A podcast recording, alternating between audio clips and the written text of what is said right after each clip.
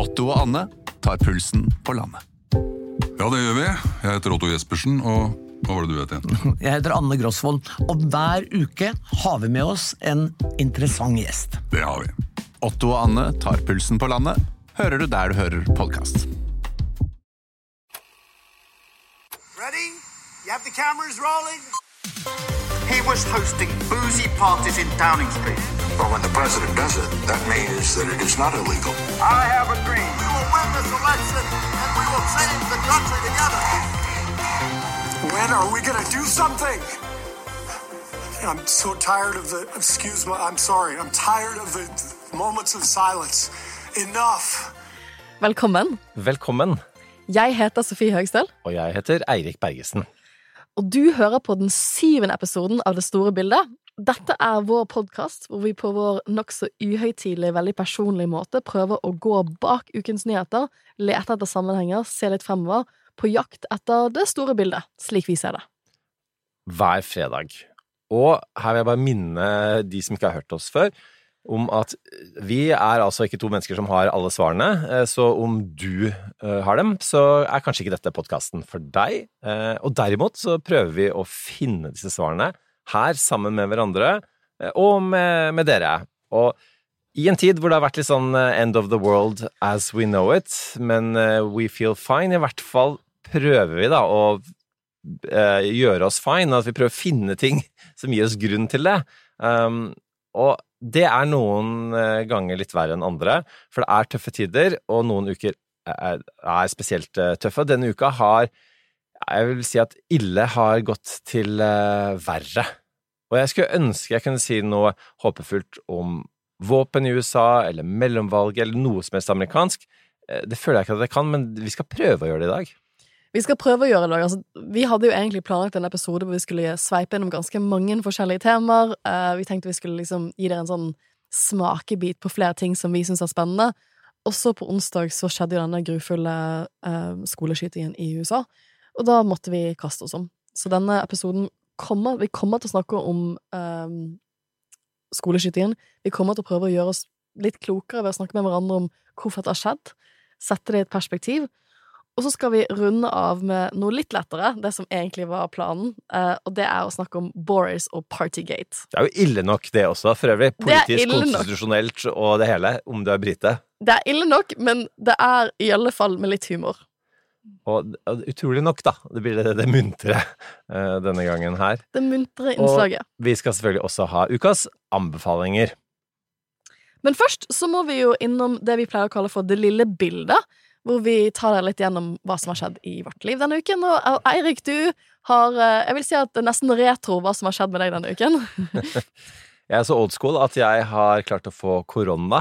uh, og det er um, Altså, jeg, vi har hatt titalls episoder om korona på norske tilstander i TV 2, men så er det sånn rart å, å prate om ting uten etter å vite hva det er for noe. Altså, For det- du har ikke hatt korona i det hele tatt. Nei, utrolig nok. Og det å, kjenne, det å kjenne deg som herje i systemet er eh, Det er iallfall en Det er interessant.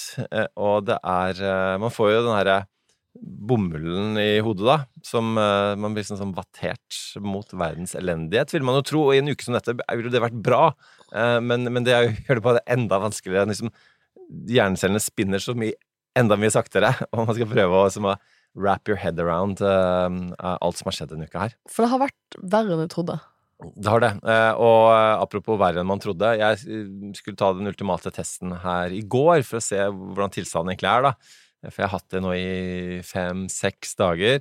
Så jeg dro til Kongsvinger, jeg, med koketoget. Og for de som ikke aner hva jeg prater om nå, så burde du kanskje helst være Brann-fan. Følge veldig tett det som skjer i Obos-ligaen. Vite at det fantastiske fotballaget Brann møtte også et flott, ærverdig, iallfall gammelt av lag, Kongsvinger, på Gjemselund. 2-3-1 ble det. Så jeg jeg husker ikke stillingen engang.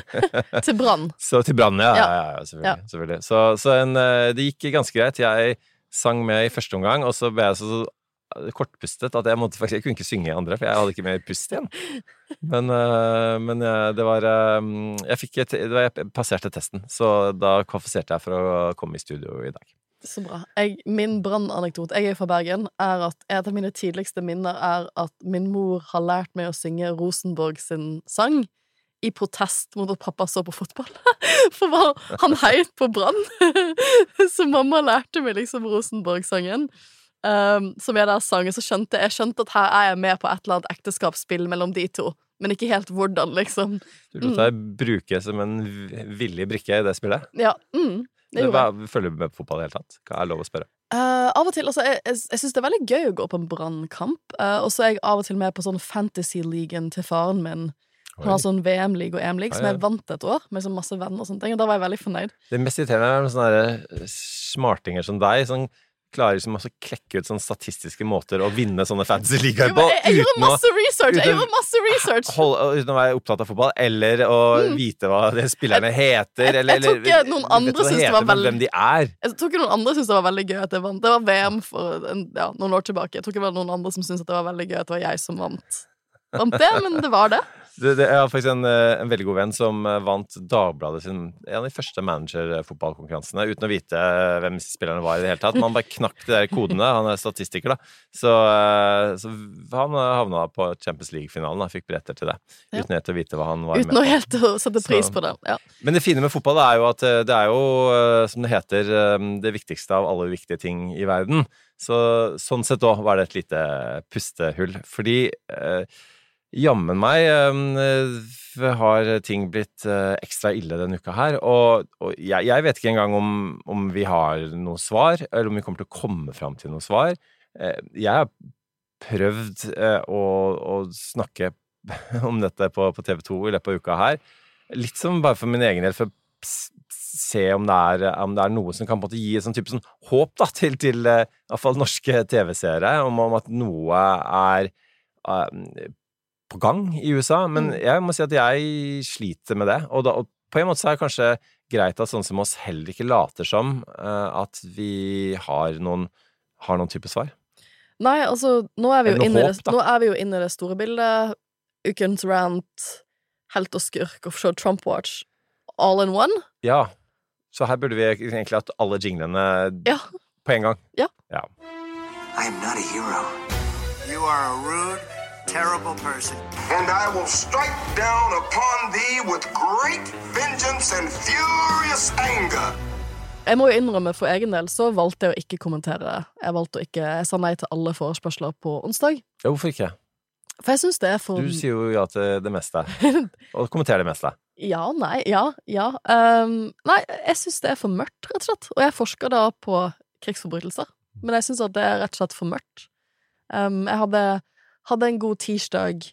Eh, den ene veldig flinke um, masterstudenten min, Atufa, som jeg har fulgt ja, halvannet år nå, skrev stor masteroppgave på sånn 40 000 ord, fikk A.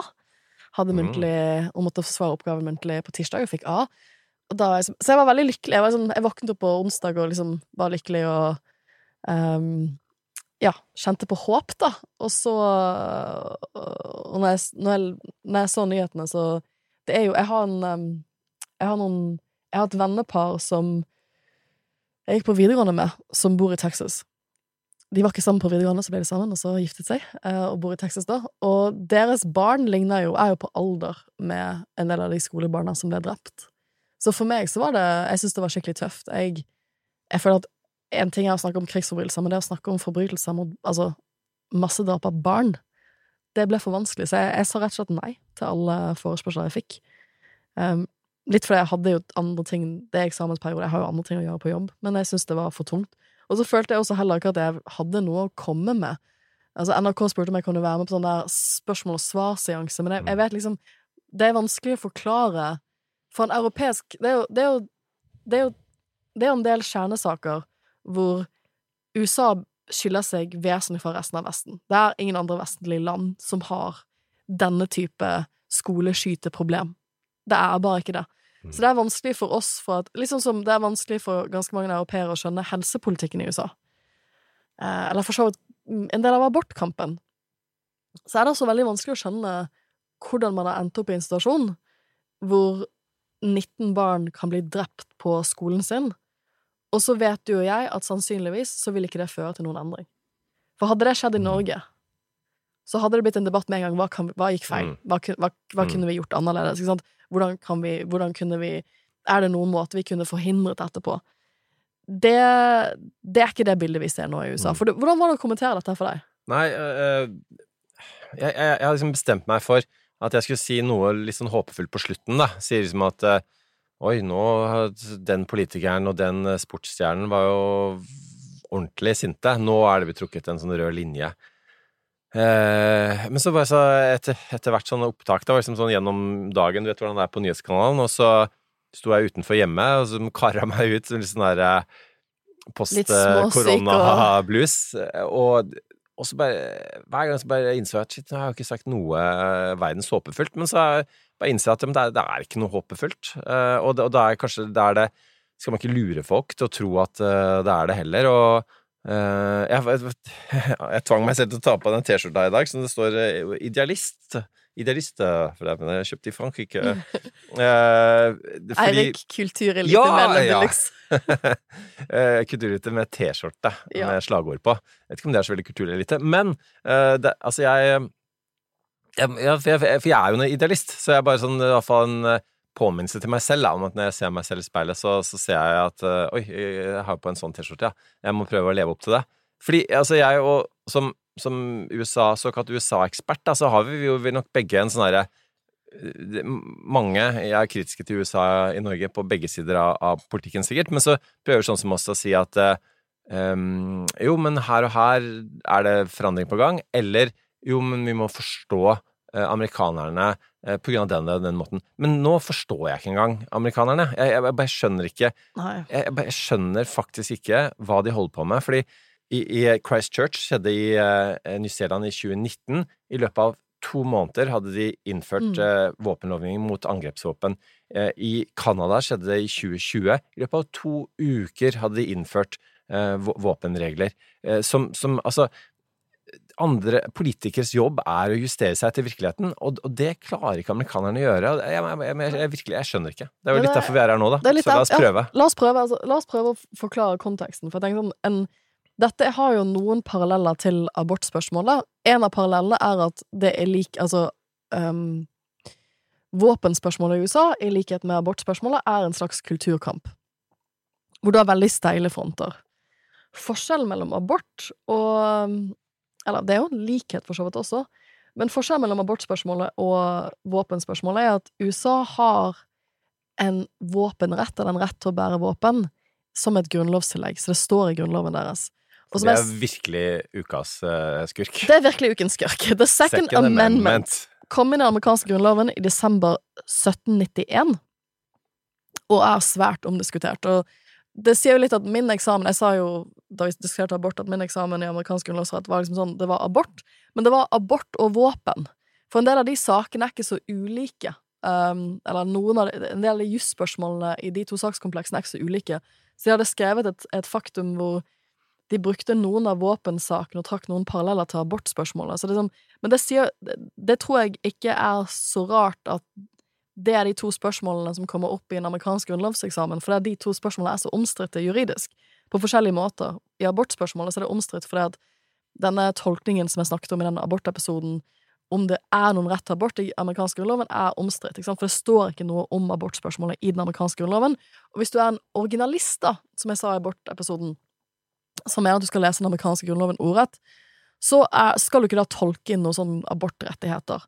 Og man ville jo sagt, hvis man er en originalist, at det var ingen av the founding fathers tenkte på abortrettigheter når de skrev den amerikanske grunnloven.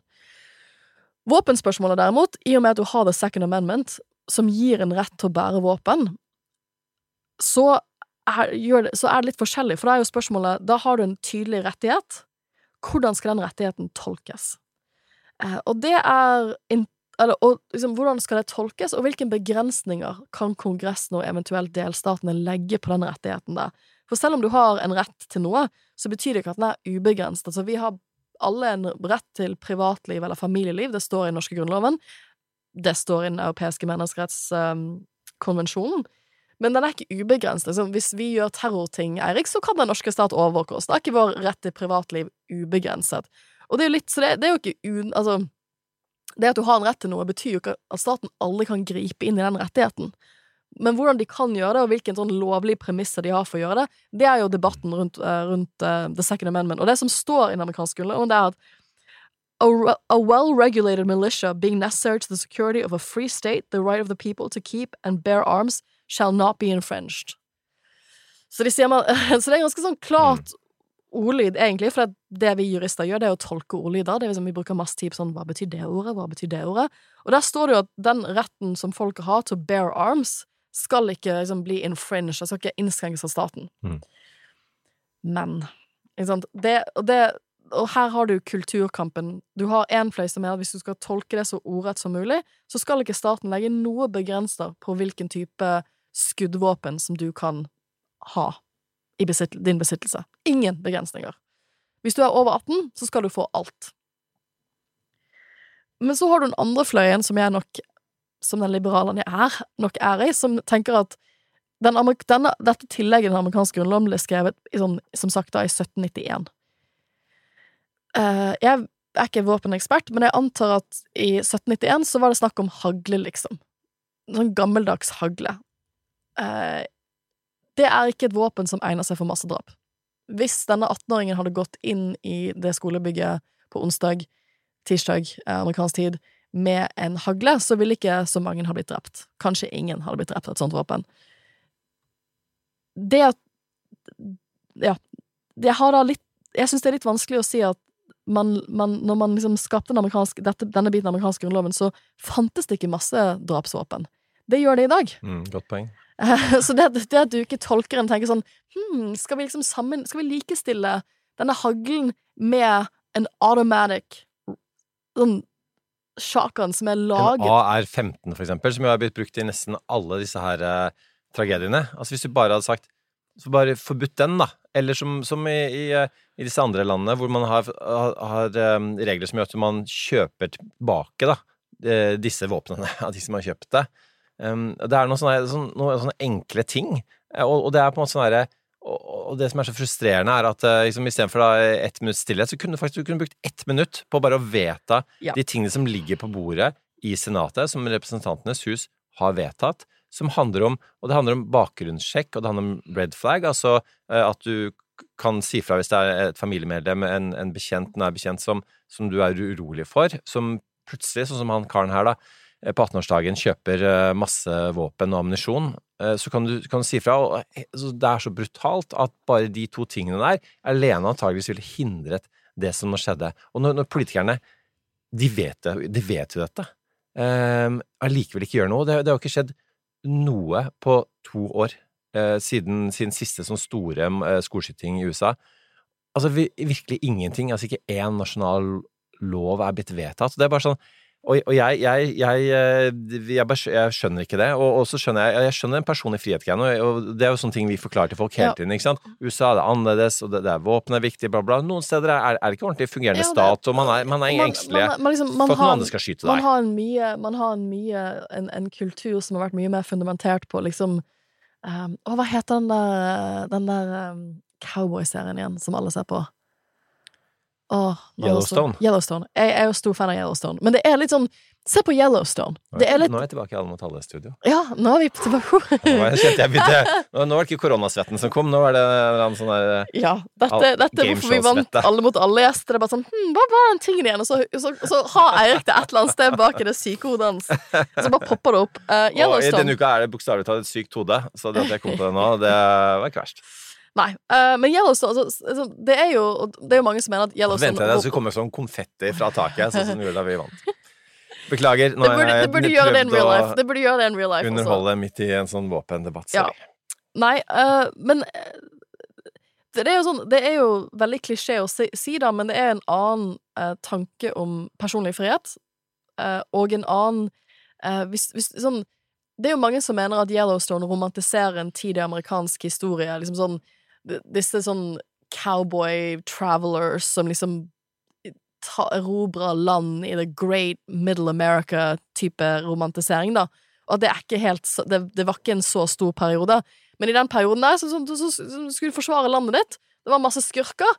Det var ikke masse politi rundt omkring. Da måtte du kunne skyte Altså, da måtte du kunne forsvare deg med alle de, alle de mulighetene du har, da. Eh, og det er nok en del Det er jo det som er så trist. Jeg bodde i USA i, i, for ti år siden, og uh, i desember, det var etter jeg hadde flyttet, 2012, så skjedde jo den største skytingen på en barneskole, som er Sandy Hook Elementary School, som sikkert mange av lytterne har hørt om. Eh, litt fordi at de, deres foreldre da har jo vært mye med disse ti årene for å jobbe konsekvent for våpenregulering.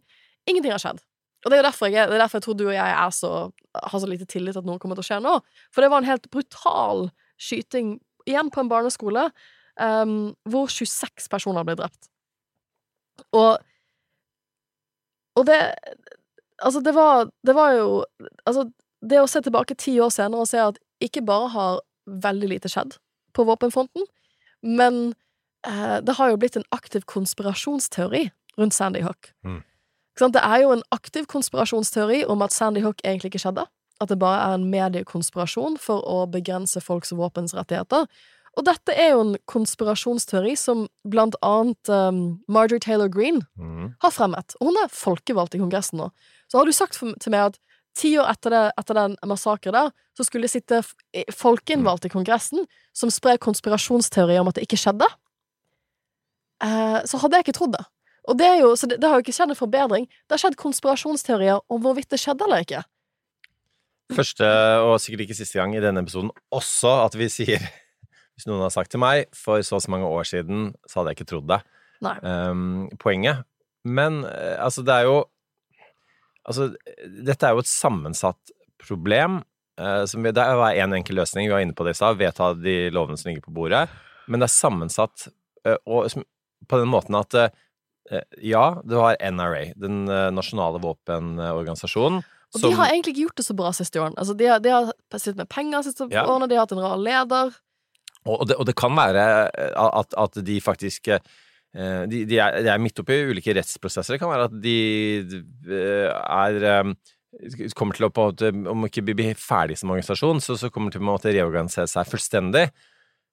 Samtidig så, så er, de mye penger, og, og mye av de pengene går til å støtte valgkamper til republikanske spesielt, da, eh, kongressrepresentanter, som da eh, som stemmer med de. Eh, og, og, og det som er noe av det mest frustrerende med det, er at mange ganger så betyr det at de eh, samme kongressrepresentantene stemmer mot sine egne velgere, fordi vi ser jo eh, det er tall som eh, 82% av alle amerikanere støtter bakgrunnssjekk når du skal kjøpe våpen. Eh, Så, så tross det, da, eh, så, så er litt sånn som abortspørsmålet det, Jeg stjal det eksempelet ditt faktisk fra vår episode og brukte på TV eh, nylig. Fordi at eh, det, det, det som da skjer, er at du får at, et eksempel på at på en måte eh, politikken da, er, blir mye mer radikal da, på en eh, negativ måte enn enn hvor det mer moderate strømningene i befolkningen, fordi det blir så veldig symbolsk. Ikke sant? Ja. Med abort så, er- så er eh, abortlovene som, som blir vedtatt, blir så utrolig prinsipielle og eh, kontroversielle, mens, og, det, og det er litt det samme standpunktene som er, er med våpen. Sånn at det, eh, Samtidig, da, eh, så det poenget som gjør at ikke det bare handler om NRA i seg selv, er jo det at eh, amerikanere er veldig Altså, det er et kulturelt spørsmål, som, Ja. som du sa. Eh, Et annet eksempel på det, i Maine, som, som stemte eh, for Hillary Clinton, for eksempel, samtidig stemte mot, altså befolkningen, flertallet her, eh, en, en enkel bakgrunnssjekklov. Sånn at det, det, det stikker dypere. Det stikker dypt. Og jeg hadde, sånn som et anekdotisk eksempel, altså hadde jeg en venninne på, på universitetet som, um, som var en sånn lifelong New Yorker, men, hun, men når hun flyttet ut og begynte å studere, så flyttet foreldrene hennes til Florida. Litt sånn for å sånn Det er sånn typisk sånn pensjonistting å gjøre, egentlig, hvis du er fra New York. Um, og de hadde jo da bodd der bare noen måneder før faren var litt sånn Hm, kanskje jeg også skal få med et våpen. Det er et sånn superliberale New Yorker som aldri har vurdert å få liksom, uh, aldri vurdert og Hun var så satt ut jeg husker hun sa det, men hun var så satt ut at foreldrene hennes plutselig etter noen, bare noen måneder i Florida var sånn Kanskje vi også skal opp, uh, ha våpen? Men jeg besøkte jo de en sommer. Det var sommeren 2007. Og jeg kan jo skjønne hvorfor man tenker det når man går rundt på, liksom, på supermarkedet, og alle har våpen. Mm. Da, da, da tenker man kanskje sånn Ja, her var det mange personer med våpen. Jeg er en av få som ikke Altså, en av disse sørstatene hvor du har sånne sånn Det de kaller open, uh, open carry laws, hvor du kan Det betyr at du kan helt åpent og fritt gå rundt med pistoler, da. Uh, at du da tenker at hm, dette virker litt utrygt for meg, her står jeg uten noe som helst, kanskje jeg også skal få meg, skaffe meg et våpen. Men hun, ja, det, det, er jo, det, blir, det er jo kulturelt, da, i mangel for, på et bedre ord. Ja, og så er det, så mye, så er det jo så mye våpen i USA at du, du får et sånt dilemma som du er inne på her, at eh, ja, man kan havne i situasjoner, og igjen da, hvor, hvor det ikke er eh, politi til stede, som, som gjør at du føler at du må forsvare deg, og, og, og da er man liksom et sånn, sånn knekkpunkt da, i politikken, og du kan sammenligne det med eh, miljøet, for eksempel? Hvor, Mm. hvor økosystemene det er jo det man er redd for nå, er i ferd med å bryte sammen, så gjør at det blir irreversibelt. Er det sånn i USA eh, med, med våpen i dag? Det er jo lett å, å si det. Altså, er det tannkremen tilbake i tuben, eller er det nesten enda verre sånn røyken tilbake i peisen-type dilemma, da? Eh, men jeg tenkte også vi skulle bare eh, Fordi vi, vi, snakker om dette med, med, med helter, eh, og jeg må bare få nevne eh, altså Chris Murphy, Steve Kerr, altså da første er demokratisk eh, kongressmedlem, den andre er, er basketballtrener, som er midt i playoffs nå i, i NBA, trener for Golden State Warriors, som sikkert mange har sett i de klippene som eh, ligger ute, på, på de som da er ordentlig sinte, eh, og, ehm, eh, og, og snakk om eh, rants som er effektive. Eh, om du ikke har sett det, se det med en eneste gang. Eh, Og, og det, klart, det, er jo altså Noen må i hvert fall reflektere dette sinnet, Mm. eh, og, og det og, man, og, en, en siste person også, eh, Betto eh, O'Rourke i, eh, i, i Texas, som da prøver å bli guvernør, reiser Mm. seg på pressekonferansen til guvernøren og, til politiet, som sier bare at dette er eh, predictable and avoidable. Ja. Eh, og jeg, har lyst til å spørre deg om det. Var det en riktig ting å gjøre? For han ble, husjet ned, og så videre, og noen mente at, at han fremhever seg selv, og at på tar oppmerksomheten bort fra både fra politietterforskningen, minnestund osv. Er, er dette Jeg er nok av typen Som politiker, Jeg er nok av typen som mener at Beto er litt selvforfremmende. Og det var jo derfor han ikke ble en ordentlig presidentkandidat for to år siden heller. Men husker du sånn det Rolling Stones Var det Rolling Stones-cover han hadde? Som var sånn Born to Run, hvor han står liksom sånn Sånn, han er jo, han er jo litt det. Samtidig så, så mener jeg at folkevalgte må stå til ansvar for de valgene de tar, for det er et valg her. Igjen, det er ingenting Altså, juridisk så er det mulig.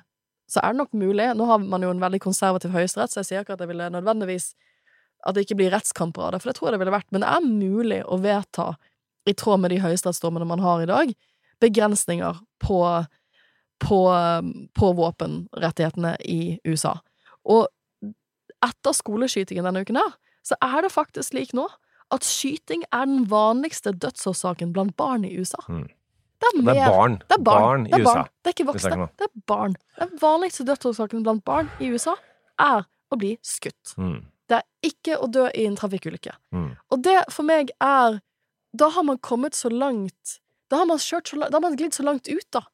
Eh, hvis svaret For svaret til en del av disse folkevalgte i en stat som Texas er at Nei, det er sånn hopes and prayers og forferdelige tragedier og mental health. Åh, liksom, da er man plutselig veldig opptatt av psykisk helse.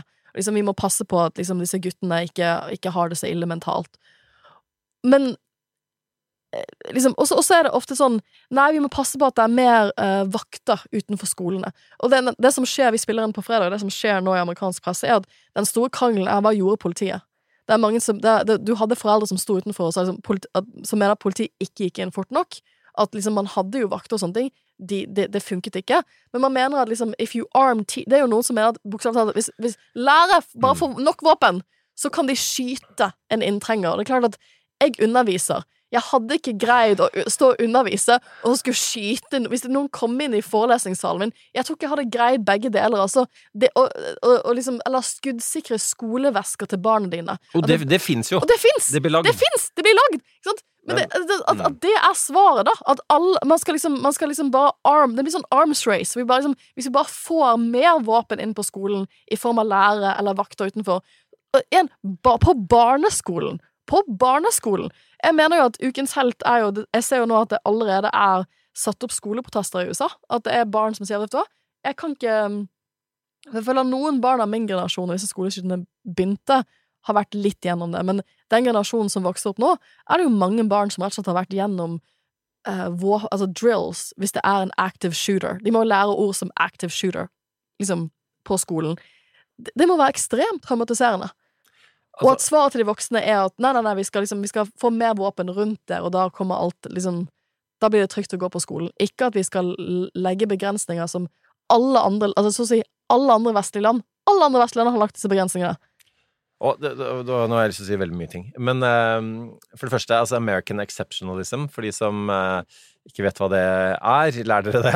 Eh, det handler om at, at USA på en måte føler at de er en sånn egen kategori i verden, at de er så veldig annerledes fra alle andre annerledeslandet. Eh, det er et annet land som også bruker samme uttrykk, det er Norge. Men jeg jeg har studert sammenlignende politikk i Bergen. Altså, det faget omtrent vil jo ikke kunne finnes i USA engang. Å sammenligne seg selv med andre typer Nei. land. Og det, og det gjelder både venstresiden og høyresiden, og det er ekstremt frustrerende, for det har vi vært gjennom før. Alle andre land får det til, bortsett fra USA. Og, og der er faktisk en av mine favoritt, dessverre, artikler eh, om, om, om disse tingene her. Det er, er ikke fra New York Times eller eh, The New Yorker eller noen ting. Det er fra The Onion, satirenettstedet, med tittelen No way to prevent this, says only nation where this regularly, regularly happens. Ja. Eh, og, og den publiserer de hver eneste gang noe sånt skjer, og det har skjedd 900 ganger siden Sandy Hook for ti Ja. år siden. Det er helt crazy. Det som fascinerer meg, du, du, kan ikke generalisere. USA er et land med 320 millioner mennesker, så du kan ikke generalisere på enkeltpersonsnivå. Men det som ofte fascinerer meg når jeg er i USA eller snakker med amerikanere, er at jeg tror ikke de skjønner hvor rart vi syns dette er. At hvor fremmed dette er for altså for andre vestlige land. Hvor helt fremmed det er at, at dette ikke er et problem de har satt alle ressurser inn for å løse. Og det er jo en del av de, disse folkevalgte, særlig i Texas, da, som, som nå har blitt konfrontert siste dagene med at eh, Texas har jo De folkevalgte i Texas har jo vist seg å være veldig på ballen og fort ute med å vedta abortlover og, og, og, og, lage ganske sånn juridiske, dristige løsninger på, liksom, på abortspørsmålet for å bevare the, the, the sanctity of life. Men ingen av de greier å komme på banen for å handle når barn blir skutt på skolen. Og det er Og det, det fortjener de å bli konfrontert med, etter min mening, hver eneste dag. Ja, og, og det- er jo um, Når du skal prøve å ta abort i, i en amerikansk amerikanske stater hvor det, hvor det til og med er lov, eh, og du da har den ene abortklinikken, og du skal dit og du blir møtt av demonstranter, og eh, du må, du må se bilder av, av eh, aborter og, og forferdelige ting, så tenk om det var sånn å kjøpe våpen. I hvert fall kjøpe disse forferdelige angrepsvåpnene. Hvis det er noe i nærheten av det, men så er det sånn 18-åring som bare på bursdagen sin kan bare kjøpe uten noe som helst eh, spørsmål de, de verste våpnene eh, og masse ammunisjon. Jeg tenker jo av alle dumme forslag da, at vi må bare stoppe opp med en av de, eh, og kall han gjerne nummer to, kall han nummer én ukas skurk, Ted Cruz, som også foreslår at man skal ha én dør på alle skolene, og der skal det stå en eh, meget bevæpnet eh, politimann, eller sikkert flere, da. Eh, bare sånn, altså, én dør. Altså, det er det dummeste ideen noensinne. Ok, la oss si at en person kommer seg gjennom, da, sånn som den for så vidt gjorde nå. Eh, denne, denne eh, gjerningsmannen kom seg forbi det som var av sikkerhetsvakter vakter på den skolen. Så, så har da de som er der inne, bare én en eneste rømningsvei ut derfra. Altså, det, det blir jo Det første du vil gjøre hvis du planlegger dummere. skoleskyting, er jo da, da må du planlegge rundt å drepe den personen først, da. Eller sette det ut først, da. Um, det, dette er jo ikke Nei, det, Altså, det, se på 22. juli. Altså bare, Ja, det, det- er, det har gjerningspersoner tenkt på før, for å si det sånn. Ja. Og, og det er ikke bare på skole det skytes. Skal alle offentlige bygninger ha én eh, dør? Altså, vi, vi er der, liksom. Altså, Ja. Verden vet ikke hva de skal eh, si ja, og det er ingen og andre tenke. land som har disse problemene. Nei. Og da, da må man på et eller annet tidspunkt ta det inn over seg. Det, det, tror det, mest, det er jo interessant å, å se på Joe Bidens reaksjon her, for at dette er jo et spørsmål han bryr seg veldig mye om. Våpenregulering og eh, å, å gjøre noe med særlig skoleskytinger er jo noe som han har hatt som sånn fanesak over lengre tid. Men han blir jo redusert. Han skal liksom være verdens mektigste mann. Men han blir redusert til å stå på TV som en gammel mann, og, og som kjenner på folk. Fordi han har ikke noe reell makt her. Sånn, de, som skal, de som kan gjøre et eller annet her, er Kongressen, og den amerikanske kongressen er låst, særlig fordi at det låser seg særlig i Senatet. For der trenger man 60 stemmer antageligvis for å kunne vedta noen endringer i, eh, i våpenreguleringen nasjonalt. På grunn av filibuster-regelen, som jo som handler vi- om at du må Du kan stå og prate og prate og prate Ja. og bruke er eh, en, en, en, tiden. rar, en, en rar også en, Sånn at for ting ikke blir vedtatt. Vårt perspektiv et veldig rar regel. Og det, har, det er ikke et 60 Det er 60-flertall for den type våpenregulering. Um, og der, liksom, da er vi tilbake til at i Senatet så er en del av disse mindre konservative eh, statene overrepresentert. For alle delstater i USA får to senatorer hver. Derfor har man 100 senatorer. Eh, men det betyr at man likestiller California, population 44 million, med de mindre statene, som har 700-800, kanskje en million innbyggere. Um, så hvis du ser på liksom, Og det er jo problemet at du ser at hvis du ser på sånn nasjonalt, som du sier, så, så viser meningsmålingene at det er en, ganske sånn bre, bre, flertall for en del av disse våpenreguleringene. Men hvis du ser på delstatsnivå, så, så, så skru, skru, skrur det seg på en måte hvor en del av disse mindre folkerike delstatene, senatorene, som er veldig konservative, som, som har en sånn A plus rating fra the NRA, denne våpenlobbyen, som da gir liksom karakterer til folk som stiller til senatet, de, de gjør at de kan blokkere. De, er, selv om de er et mindretall um, med tanke på hvor mange folkestemmer som står bak dem, så kan de blokkere den type regulering. Jeg følte ikke at dette var noe Nå ga vi ikke noe håp, men jeg håper at folk Ja. kanskje forklarer, skjønner mer hva, hvorfor dette skjer. Jeg har et håp. OK, håp. Og dette har jeg skrevet ned på forhånd. Eh, fordi det ga meg et håp. Men eh, ja, det, det eneste problemet her er at det er hentet ikke fra den virkelige verden, men fra fiksjonen. Men det er jo sånn som vi noen ganger må gå til for å støtte oss, da, Sofie. Og er det noe sted vi, vi henter eh, fiktiv håp fra, så er det jo The West Wing.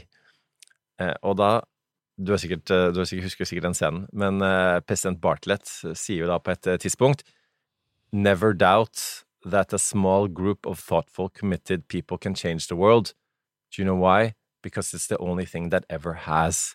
Så de her sinte politikerne, sinte stjernene, sinte foreldre Det er bare å fortsette å bli enda sintere. Altså, den røde linjen fins et eller annet sted. Det er min sånn politiske sånn credo. Altså, et eller annet sted fins den røde linjen. Bare aldri slutt, liksom, eh, å være forbanna. Eh, fordi for å være forbanna er i hvert fall en begynnelse, og en helt nødvendig eh, begynnelse. Nå føler jeg jeg snakker litt ut. Vi- kan jo tease at neste uke så skal vi ha vår første gjest. Og da blir det mer USA-ting. Tror Og vi. Det, Vi, vi antar vi at. Vi vet det. Vi og, vet det. og da kan dere begynne å gjette hvem gjesten er. Det, altså, det blir gøy. det blir så gøy, da. Men jeg har en bro. har en Du har en bro? Ja. Fordi eh, nå har vi Jeg føler at vi egentlig har sagt nå at topartisystemet, i hvert fall sånn som det funker i USA, funker ikke. Nei. Og et annet sted hvor topartisystemet sliter, det er Hæ, skjønner jeg hvor jeg vil hen nå? Ah, veldig bra, Ja. veldig bra. Nå er det godt. Um, eh, vi skal til eh, Storbritannia. Boris-sirkuset. Bojo. Vær så god.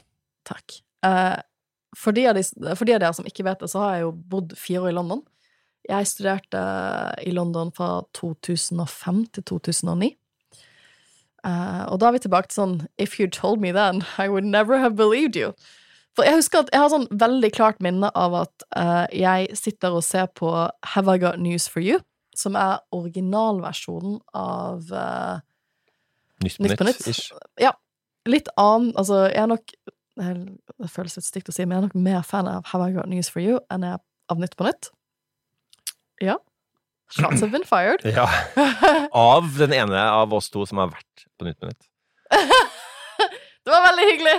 Uh, nei, men, men Jeg satt og så på Have I Got News For You i studenthybelen min i London, og uh, inntrer denne dette bustete hodet som jeg først, for jeg er helt ærlig, tenkte at shit, er dette voksenutgaven av Alfred fra Emil i Lønneberget? Det tenkte jeg først. Altså, er dette skuespilleren som på en eller annen måte har forvillet seg inn Altså, Var han halvt britisk? Han på en eller annen måte forvillet seg inn i um, Kan jeg si en bitte liten ting om bustete hode? Ja.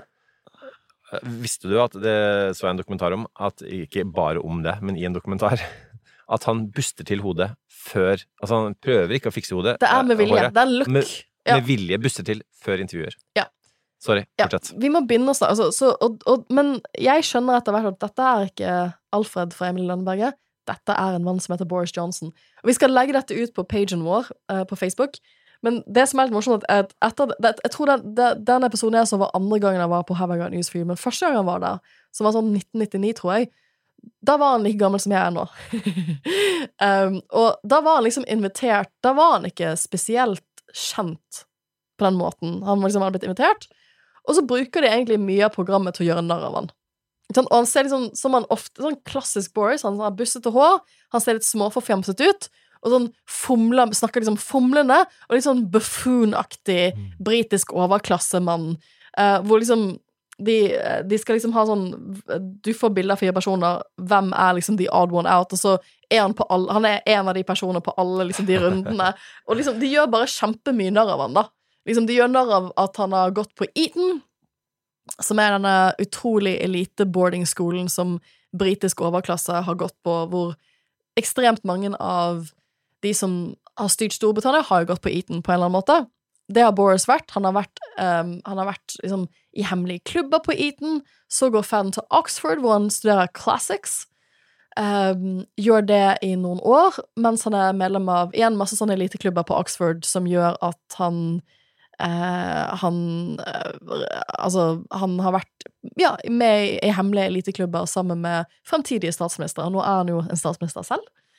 Um, og så blir han etter hvert journalist etter, eh, etter dette. Um, og hvordan og så, Han blir journalist, og så blir han tatt i løgn en del ganger som journalist. Du smiler. Ja, veldig mange ganger. veldig mange ganger.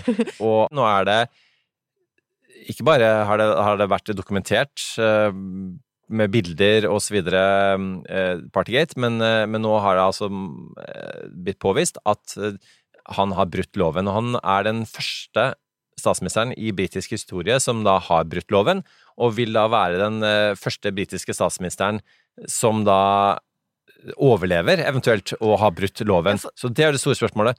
Overlever Boris Johnson dette? Jeg tror han overlever. Oi. Jeg tror det. Jeg, eller jeg tror han overlever for now. For problemet er at det er ikke som du sier, det er ikke så mange andre kandidater som kan ta over. De har en veldig uh, kjekk og ung finansminister, men så har det blitt avdekket at hans veldig, veldig rike kone uh, har, Det er noen skattegreier der som ikke har vært heldig. Hun har ikke liksom vært boende i Storbritannia for skattemessige Altså liksom Hun har vært borteboende for å få fordelsmessige skatteforhold. Det, gjør, det, det ser bare veldig dårlig ut, særlig når du, når du er en finansminister som nå Eh, skal liksom eh, Du har den veldig vanskelige jobben at folk, folk sliter med, med, med, høye strømregninger, høy inflasjon Alle de tingene vi sliter med i Norge, sliter de også med i Storbritannia. Eh, så, så han, han, var liksom en person som kunne posisjonere seg til å bli leder. Men, men det ser ikke sånn ut lenger. For det, det som fascinerer meg så mye med Boris, er at han tar ikke pandemien seriøst når det kommer. Det er bokstavelig talt bilder at han går rundt og håndhilser på et helt sykehus. Så får han covid kort tid deretter. Dette er sånn mars. Og det var jo, altså, det var jo um, litt sånn touch and go. Altså, han altså, var jeg, kjempesyk. For jeg tror, når vi er tilbake til covid, jeg tror jeg hadde covid uh, da vi landet stengte ned. Jeg var på et Civita-treff. uh, og uh, det var det siste jeg gjorde sosialt før, før landet stengte ned. Dette var tirsdagen før landet stengte ned. Der var det en hel haug med folk. Og på det tidspunktet fikk jo ikke vanlige folks covid-test. Men der var det en gjeng med politikere, og de fikk jo covid-tester i sånne samfunnskritiske posisjoner. Eh, så liksom inn Så liksom Dette er tirsdag. Det er siste sosiale jeg gjør. Vi deler fingermat og sånne ting. Når jeg ser tilbake på det, så er det bare sånn helt vilt. Liksom, masse berørelser. Vi delte fingermat. Eh, jeg satt og snakket tett. Eh, og så, en uke senere, så blir det klart at en del av de personene jeg har snakket tett med, har covid. Og vi, må, vi får en sånn e-post fra Kristin Clemet sånn Sorry, det ser ut som det er en del folk som har testet Dette har vært i avisen, så jeg syns det er helt greit å, å si det. Men jeg det, det, var, det, var, rundt den tiden jeg mistet alle smakssansene mine. Men vanlige folk fikk jo ikke det, Beskjeden var å holde deg hjemme, liksom, med mindre du blir kritisk syk. Så jeg lå liksom på, jeg husker at jeg lå på sofaen og skalv, og hadde masse sånn ising og sånn smerter i kroppen. Og så ser jeg at Boris Johnson har fått covid.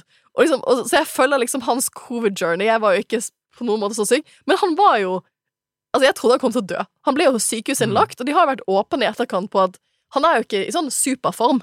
At liksom Han, han Altså, han han, han var rett og slett ganske nærme å dø av covid.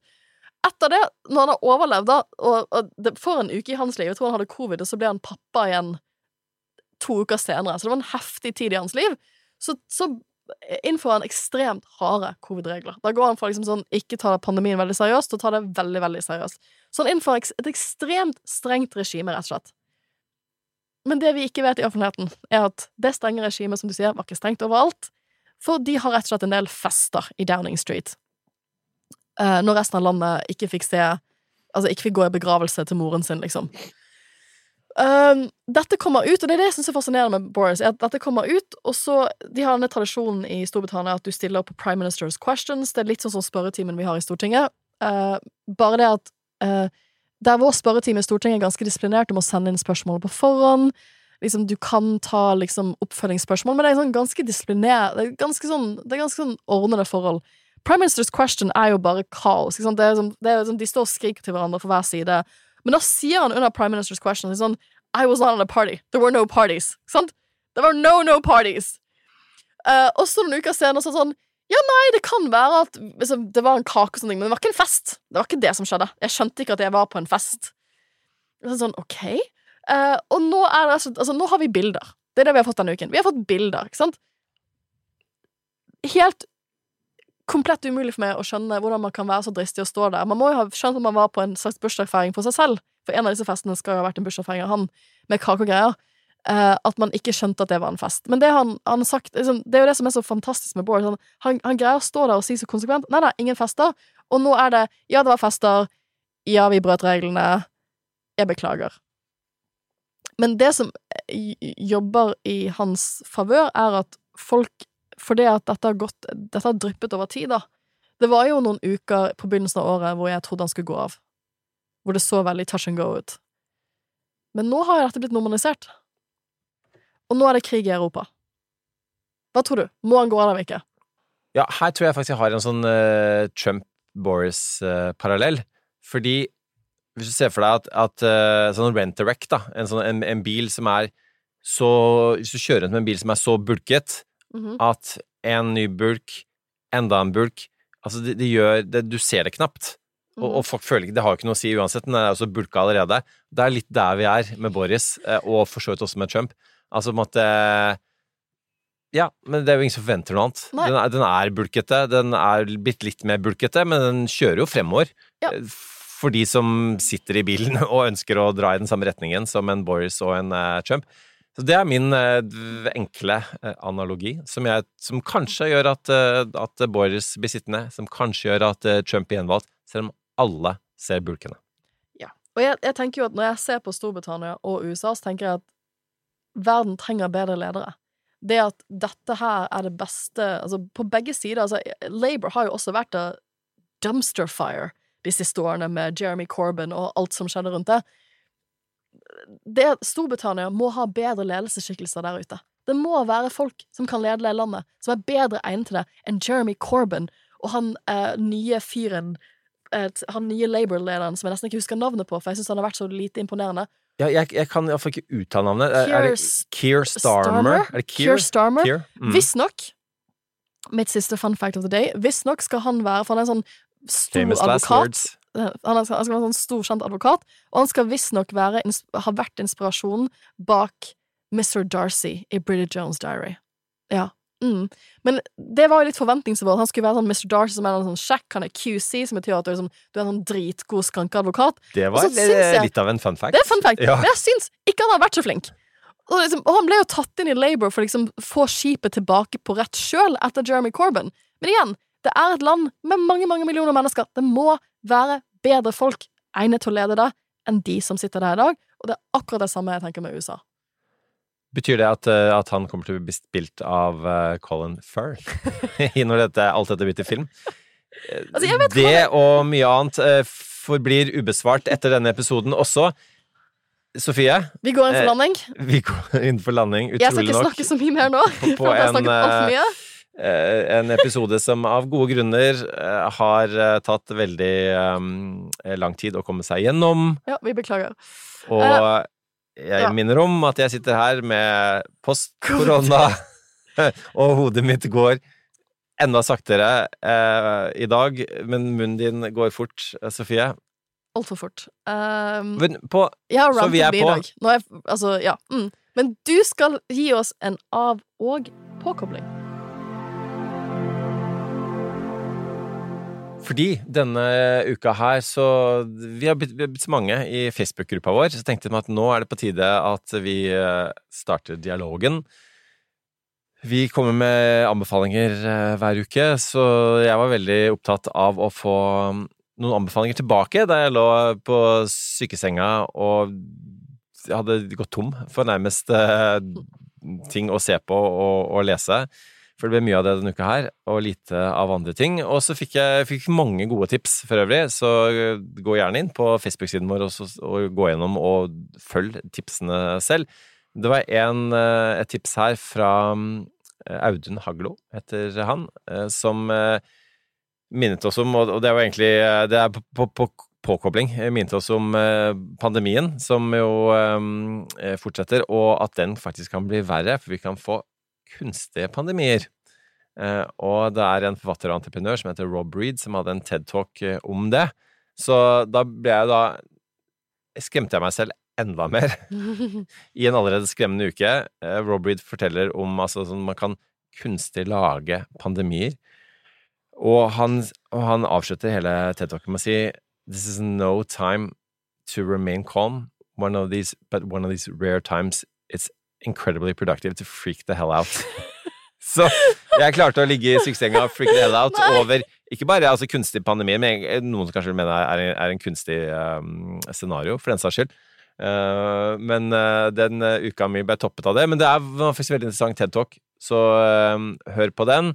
Um, helt til slutt ja, men, Du har jo også en liten du har jo også en liten avkobling. Ja, ikke bare en freak out. Ja, en liten avkobling, og den er faktisk helt fullstendig avkoblet fra, fra alt politisk og alt mulig. Det er en ny sesong av Bordtenniskameratene eh, på VGTV, eh, og Morten Ramm, eh, Erik Solbakken,